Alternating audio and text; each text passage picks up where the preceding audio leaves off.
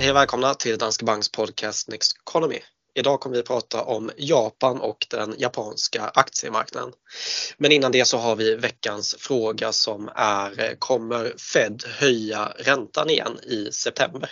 Ja, det kan man ju fundera på och eh, vi kan väl börja med att konstatera att vår syn är att man troligtvis inte kommer göra det.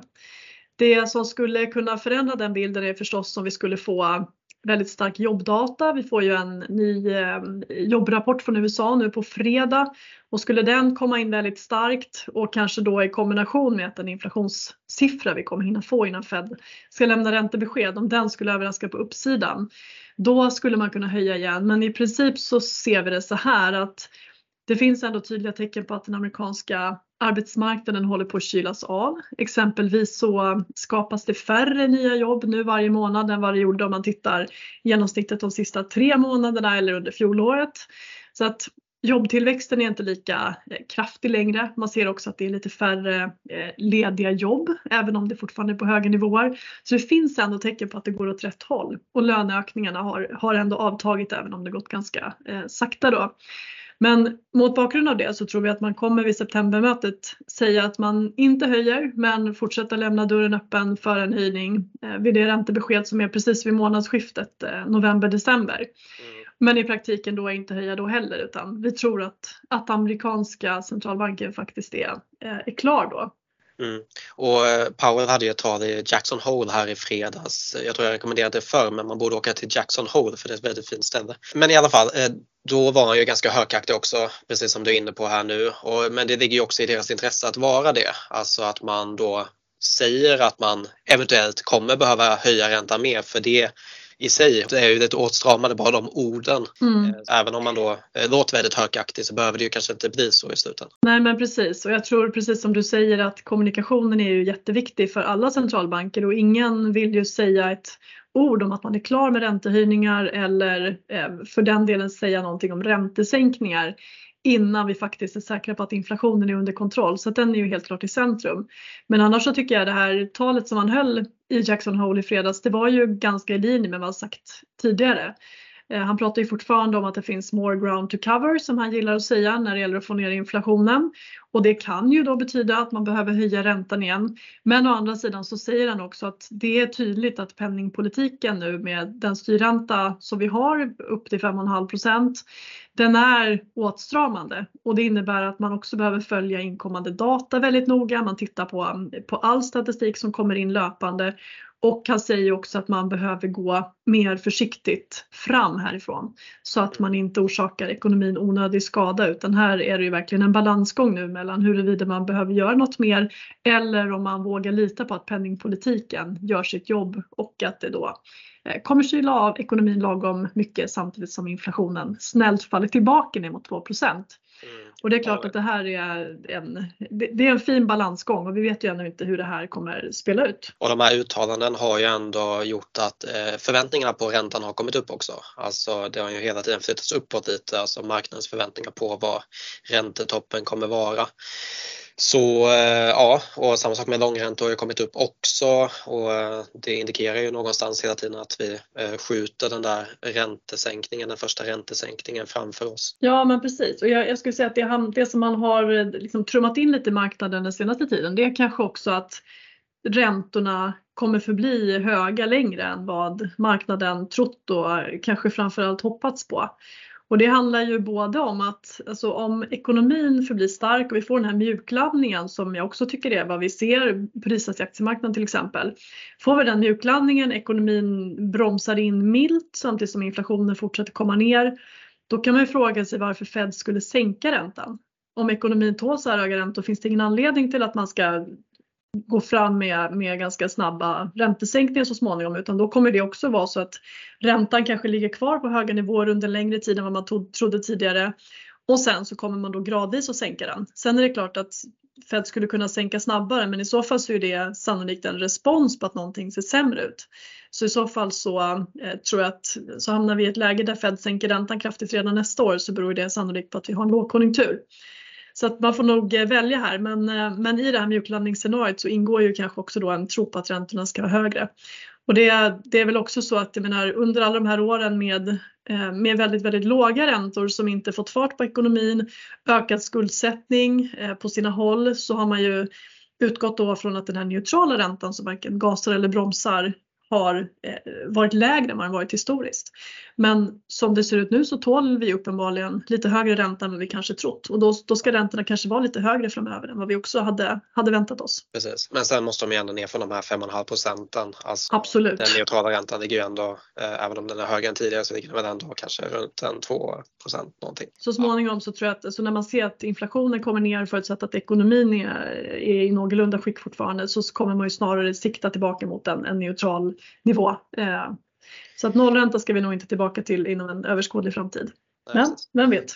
Och det för oss vidare på dagens ämne kan jag tycka för nollränta det är någonting man haft i Japan i många år. De hade ju en fastighetskris, en aktie och eh, fastighetsbubbla som byggdes upp i slutet på 80-talet. Eh, där var det också mycket på grund av billig finansiering även om räntan låg på 2,5 procent då så det var ju fortfarande då det ansåg man att det var en låg ränta som gjorde att man då kunde finansiera sig billigt och eh, spä på den här eh, fastighetsbubblan som var. Eh, så så det, är ju, det var ju den goda tiden och då var ju Japan en väldigt stor del av ett världsindex också. Vi hade ungefär 45 procent av Japan i ett, i ett världsindex på den tiden medan det då sjönk kraftigt de kommande åren när bubblan sprack. Ja precis och det blev ju en, en rejäl smäll när den där bubblan så småningom sprack och det var inte bara en bubbla utan vi hade ju både en bubbla på börsen eh, och vi hade också en bubbla då på fastighetsmarknaden. Och framförallt så såg man ju att den, den skuldsättning som blåstes upp var ju framförallt då i, eh, i företagen. Så, ehm, så småningom då så ville man ju börja sätta stopp för det här vilket då gjorde att Bank of Japan höjde räntan eh, ganska kraftigt under ett och ett halvt års tid. Och sen så gjorde man faktiskt samtidigt vissa saker eh, som har föranlett att det här man pratar om huruvida Kina är på väg in i ett nytt Japan-scenario men, men man gjorde nya regleringar då, bland annat kring utlåning till fastighetsbolag.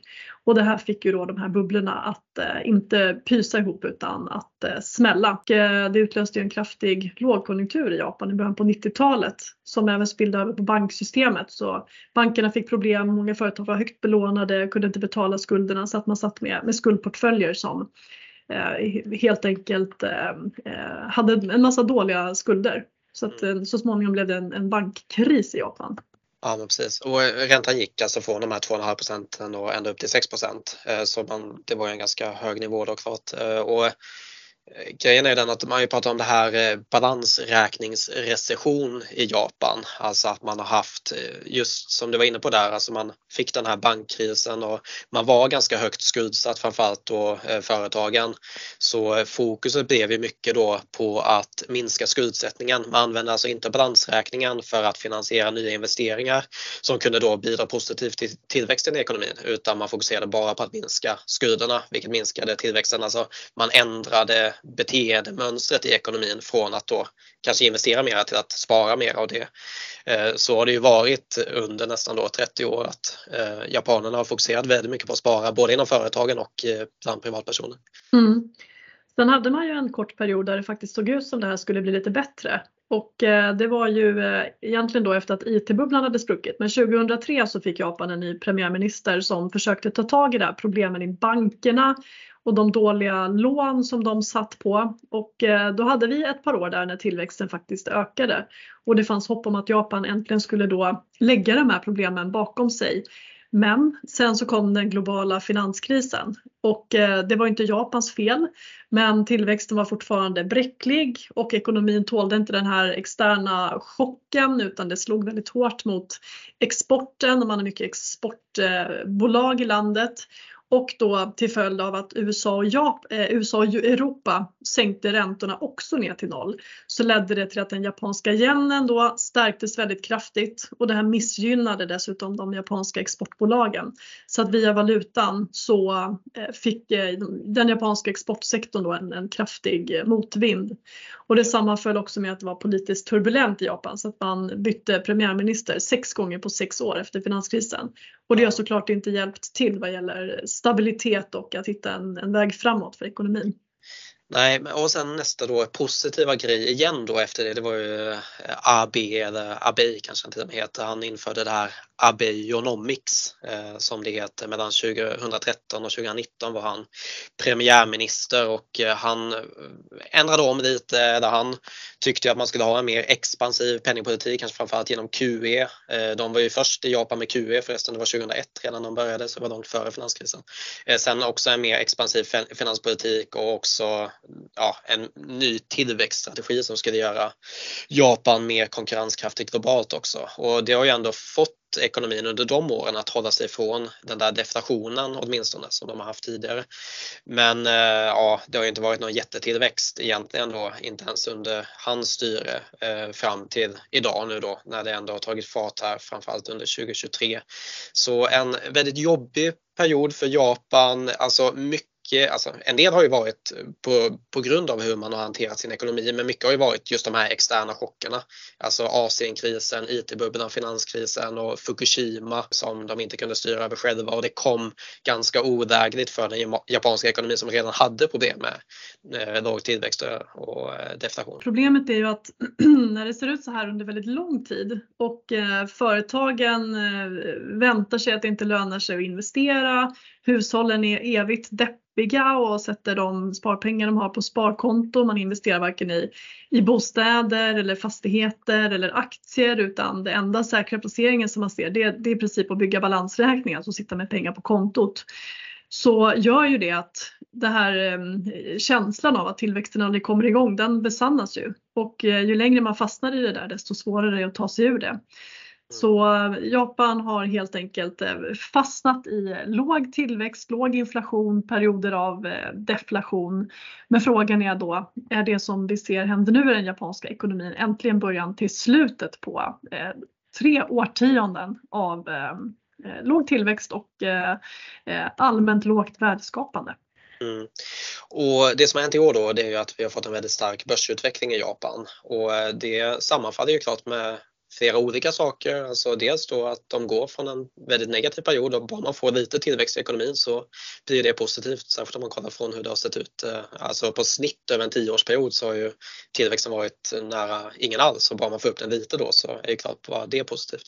De har också gjort lite förändringar kring, alltså i alla fall nya initiativ kring hur man ska få företagen att investera mera. Alltså och också bli mer aktieägarvänliga. Det finns ju en del saker som har sammanfallit och sen också att man öppnade upp efter covid för eh, utländska besökare och kunnat öka på turismen och sådär. Ja, och sen just vad gäller covid också så har vi ju sett att den japanska ekonomin faktiskt har varit mer stabil än vi sett i USA och Europa.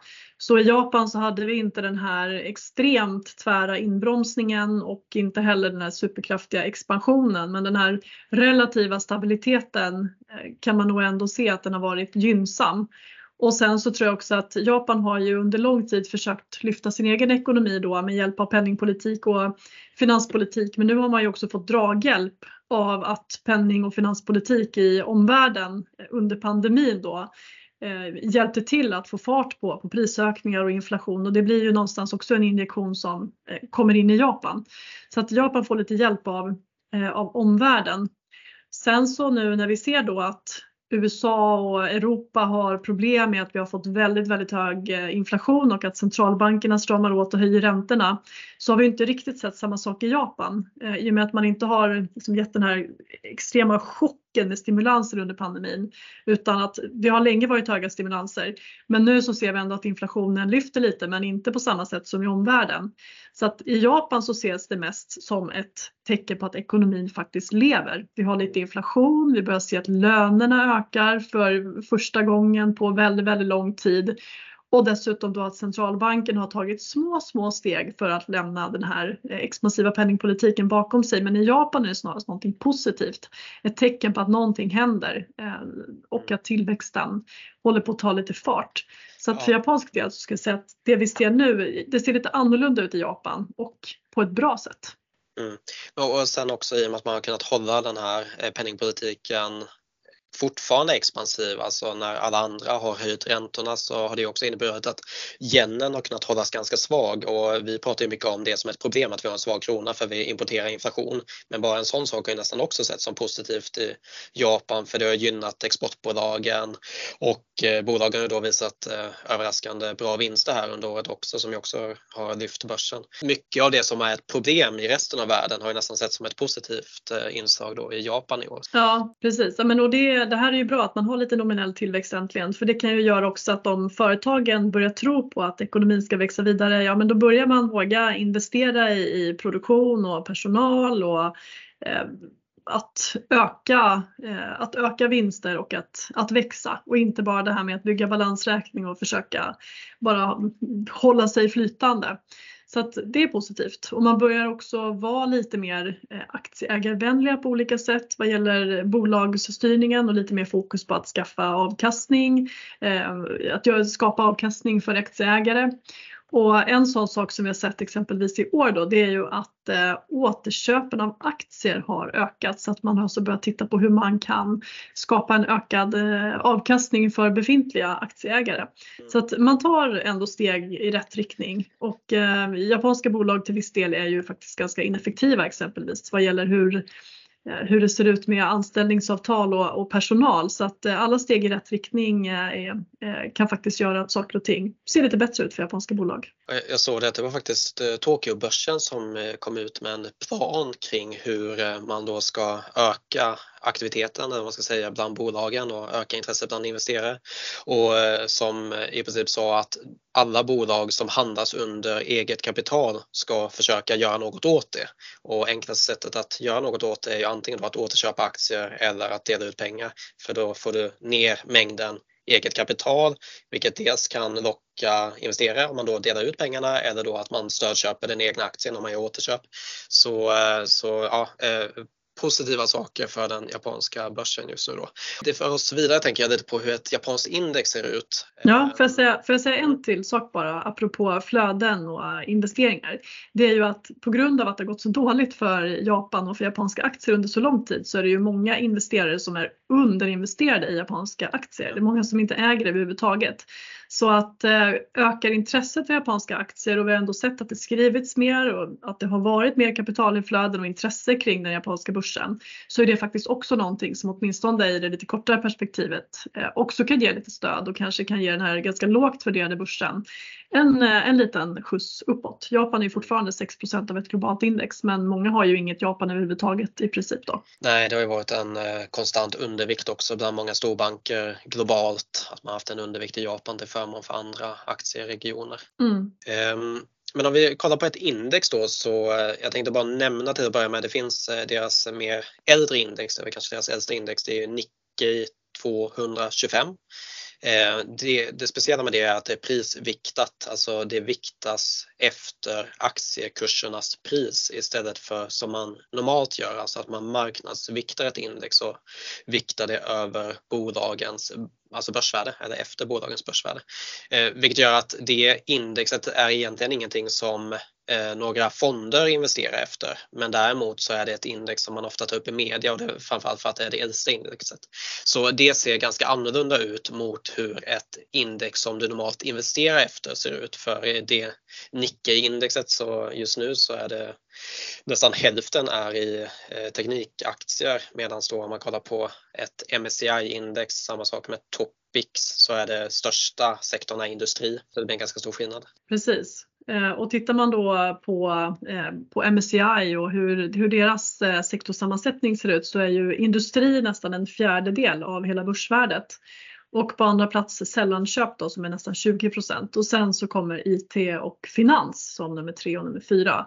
Och tittar man då på eh, japanska bolag så är det ganska många bolag man har hört talas om eller kanske till och med köpt produkter från. Så de tre största aktierna eh, i det här indexet är ju Toyota, Sony och eh, Mitsubishi.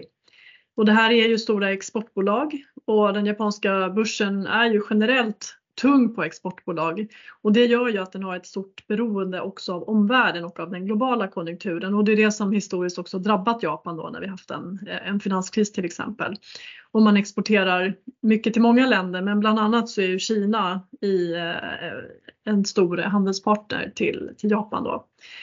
Så att det här gör ju att den japanska börsen kan vara ganska cyklisk. Men det som kanske kan dämpa de här cykliska svängningarna lite grann det är ju dels att börsen har en, en tilt åt, åt värdehållet och eh, mycket stora bolag med relativt låg volatilitet. Och sen så just det här att man har suttit och byggt kassor och inte investerat utan att man har suttit på mycket pengar och byggt balansräkning. Det gör ju också att bolagen nu faktiskt är, är ganska stabila och man kan tänka sig att skulle vi få en, eh, en sämre konjunktur framöver som drabbar Japan via handeln och svagt risksentiment som drabbar aktier generellt så kanske japanska bolag ändå är lite bättre rustade därför att de redan från början är lågt värderade och vi har inte haft det här börsrallyt som vi haft på många andra håll och vi har inte samma problem med på sina håll höga värderingar eh, och eh, skuldsättning som man kan se i andra delar av världen. Ja, jag bara tänkte på det att det är ju faktiskt så att vi har en övervikt i Japan Mm. Och nu så låter allting väldigt positivt där. Ehm, men ja. vad, vad, är riskerna med Japan och vad, vad är det mer negativa scenario? Ja, men dels eh, så är det ju att Japan är cykliskt och jag skulle säga att det, det mest positiva vore ju ändå om, om världskonjunkturen tuffade på och kanske framförallt då om vi ser att den japanska ekonomin kan fortsätta visa de här livstecknen om vi ser att inflationen kan få lite fäste och då inte en, en alltför hög inflation såklart men, men att vi ändå kan få lite positiv tillväxt i den japanska ekonomin och då fortsätta kapitalinflöden och intressen för japanska aktier. Men det är klart att skulle vi få en, en svagare konjunktur så kommer inte det vara positivt egentligen för någon aktiemarknad utan då vill man ju äga andra saker. Och det finns ju också en risk att det återigen är falskt alarm. Alltså vi hade ju som sagt en period i början på 2000-talet där det såg ut som Japan också var på väg att komma ur det här. Sen fick vi en extern chock som skickade in Japan i 15 år till av låg tillväxt då. Eh, perioder där inflationen var så låg att man snarare kunde prata deflation. Så att det finns ju ingen garanti för att det här kommer fästa nu heller. Ehm, men här och nu så tycker vi ändå att det vi ser händer i Japans ekonomi är intressant och även det som händer vad gäller bolagsstyrning och det som sker i, i bolagen då. Så att som sagt, vi har några viktiga japanska aktier och om det är 6% i ett globalt index så innebär det att vi har lite drygt 10% i våra portföljer då. Och ehm, jag tycker väl att om man tittar på Japan och är intresserad så kan man ju börja med att kolla om man, om man har någon exponering mot Japan alls, till exempel via en global fond. Har man ingenting så kan man ju kanske i första hand titta på att ta in åtminstone så att man, man motsvarar vad det är ett, ett globalt index då så att man får någon exponering. För jag tycker ja. trots allt att det här är en ganska intressant investering som skiljer sig lite från investeringar i både eh, USA och Europa, det vill säga övriga västvärlden just nu. Men sen bara för att många banker har haft undervikt i Japan så betyder det ju inte att alla investerare inte haft Japan i portföljerna. Alltså eh, har man bara haft en global fond så har man ju faktiskt haft en exponering mot Japan under hela den här perioden. Så eh, de flesta som i alla fall sitter på en global exponering via då en global fond, de, de kommer ju ha Japan i alla fall. Och som sagt, det kan ju vara en intressant marknad att eh, ha, för vi var inne på det tidigare, tidigare, eller i alla fall utanför podden, men just när man pratar om yenen brukar man alltid säga, eller man, historiskt har man sagt mycket att yenen brukar gå emot en som eh, svensk investerare eh, och att eh, det blir negativt att investera i Japan på grund av det. Men, men nu så har ju eh, yenen varit ganska svag hittills i år. Vi har väl till och med då tjänat lite på att eh, investera, eller vi har förlorat lite på att investera i japanska aktier för kronan har faktiskt stärkts lite mot yenen. Men om det där vänder och eh, också det här att Japan är lite av en safe haven valuta, inte så mycket som eh, amerikanska dollarn såklart, men att i en period då det går svagare så kanske det är bra att ha en exponering mot Japan också för att det kan, vi kan tjäna lite på valutarörelser också. Ja, men som svensk investerare så har ju ändå yenen gett lite stötdämpning då när det varit eh, sämre tider just därför att yenen som du säger är en, en safe haven så att då har den stärkts och har vi då ägt japanska aktier så har vi fått lite kurslyft i form av, av eh, valutaeffekter. Um, och sen historiskt så har ju det här ofta då lyfts fram just som en nackdel därför att när japanska aktier gått bra för att det går bra globalt, riskaptiten är lite högre, ja men då tappar vi på, på att kronan stärks istället och vice versa då. Men om vi tittar på det här och nu så tycker vi också att det finns förutsättningar eh, i, i valutamarknaden för att investera i japanska aktier. Och det handlar ju om att skulle vi ha ett, ett positivt scenario eh, framöver där världsekonomin växer vidare och där vi ser just att inflationen får lite fäste i Japan och man börjar då gå ifrån den här extremt expansiva penningpolitiken. Man har ju tagit några små steg, ehm, eh, till exempel vad gäller den här yield curve control, att man håller, har hållit eh, eh, räntekurvan, alltså korta och långa räntor på samma nivå så att man har hållit kurvan flack. Det där har man ju börjat lätta på så att man låter långa räntor röra sig i ett större intervall nu och stiga lite högre. Um, men skulle vi då se ett positivt scenario där Japan då börjar ta små steg mot att strama om penning, åt penningpolitiken, till exempel lämna, lämna minusräntan under nästa år, samtidigt som resten av världen då redan har stramat åt mycket och kanske går i motsatt riktning, så borde det leda till att yenen stärks, vilket då skulle ge en positiv valutaeffekt för oss. Mm. Och skulle det bli sämre som sagt, ja då brukar yenen vara en, en trygg hamn. Så vi tror att valutan eh, kommer också vara en, en, positiv faktor för svenska investerare på något års sikt. Eh, även om det som sagt inte har varit det i år. Ja, med det så tänker jag att vi ska gå vidare till veckans studie. Eh, men innan vi gör det så har jag ett filmtips också. Det finns en bra japansk aktiefilm som heter Giro Dreams of Sushi. Eh, det är en dokumentär och den handlar ju framförallt om sushi, inte så mycket om aktier. Men det är få som har så mycket tålamod och disciplin som Giro har. Han är, hade varit en riktig stjärna på börsen bara på grund av den anledningen. Underskattad börsfilm. Och eh, veckans studie den heter How many stocks should you own? och är från 2022. Eh, många tidigare studier har fokuserat på hur många innehav man behöver för att uppnå tillräcklig diversifiering i en aktieportfölj. Eh, men det är få som har fokuserat på hur många man behöver för att inte missa vinnarna som kommer bidra med den där stora eh, delen av avkastningen över tid som vi har pratat om tidigare. Och man brukar säga att 15 till 20 innehav är en bra utgångspunkt. Den där uträkningen gjorde John Evans och Stephen Archer i en studie redan 1968 och de kom fram till att diversifieringsnyttan av att addera ännu fler innehav minskar ganska rejält efter då 15-20 aktier. Eh, men problemet med den studien är att de fokuserar på volatilitet på kort sikt, alltså årlig standardavvikelse istället för hur mycket pengarna kommer att växa på lång sikt. Och det är det som är fokus i den här studien istället. Så här skriver de att nyttan av diversifiering framförallt handlar om att minska effekterna av att man har otur med vilka aktieval man gör över tid. Så då tittar de på en 25-årig årig investeringshorisont och hur mycket avkastningen kan variera beroende på hur många innehav man har i portföljen. Och studien är då över de tusen största bolagen i USA mellan 1995 till 2019 och så gör de variationer på slumpmässiga portföljer med olika antal innehav och eh, kommer bland annat fram till att investerare som har 250 aktier i portföljen och har väldigt mycket otur med aktievalen så att portföljen hamnar bland den sämsta tiondelen av portföljer så kommer den personen ändå vara 40% mer förmögen efter 25 år än en person som bara har 25 aktier och har samma otur med innehaven.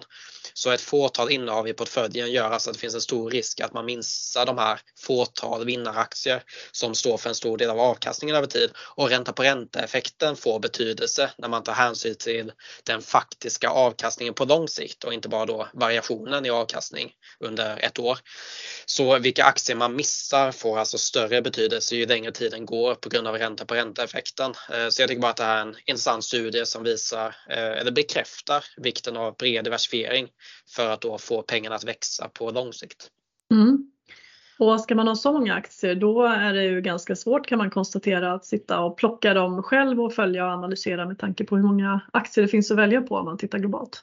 Mm. Så att det talar ju återigen för den här riskspridningen eh, också genom att eh, titta på fonder och inte bara enskilda aktier. Sen så är ju såklart enskilda aktier intressant att ha på toppen om man är intresserad och hittar någonting som man tycker ser spännande ut. Men att ha den här basen, eh, den breda basen som eh, agerar, eh, som är mer jämn i avkastningen och som gör att man minskar risken att, eh, att missa de här långsiktiga vinnarna. Det eh, brukar vi prata ofta om och det här bekräftar ju det ytterligare. Då. Och eh, som vanligt så får ni gärna ställa frågor i frågeformuläret i avsnittsbeskrivningen och eh, komma med förslag på nya ämnen som ni vill att vi tar upp och eh, gärna följa oss på Twitter också och gå in på nexteconomy.se. Det är ju vår nyhetssajt och där hittar ni både poddar, bloggar, krönikor och andra nyheter som har att göra med investeringsfilosofi, marknadsläge och eh, vår investeringsstrategi. Så nexteconomy.se.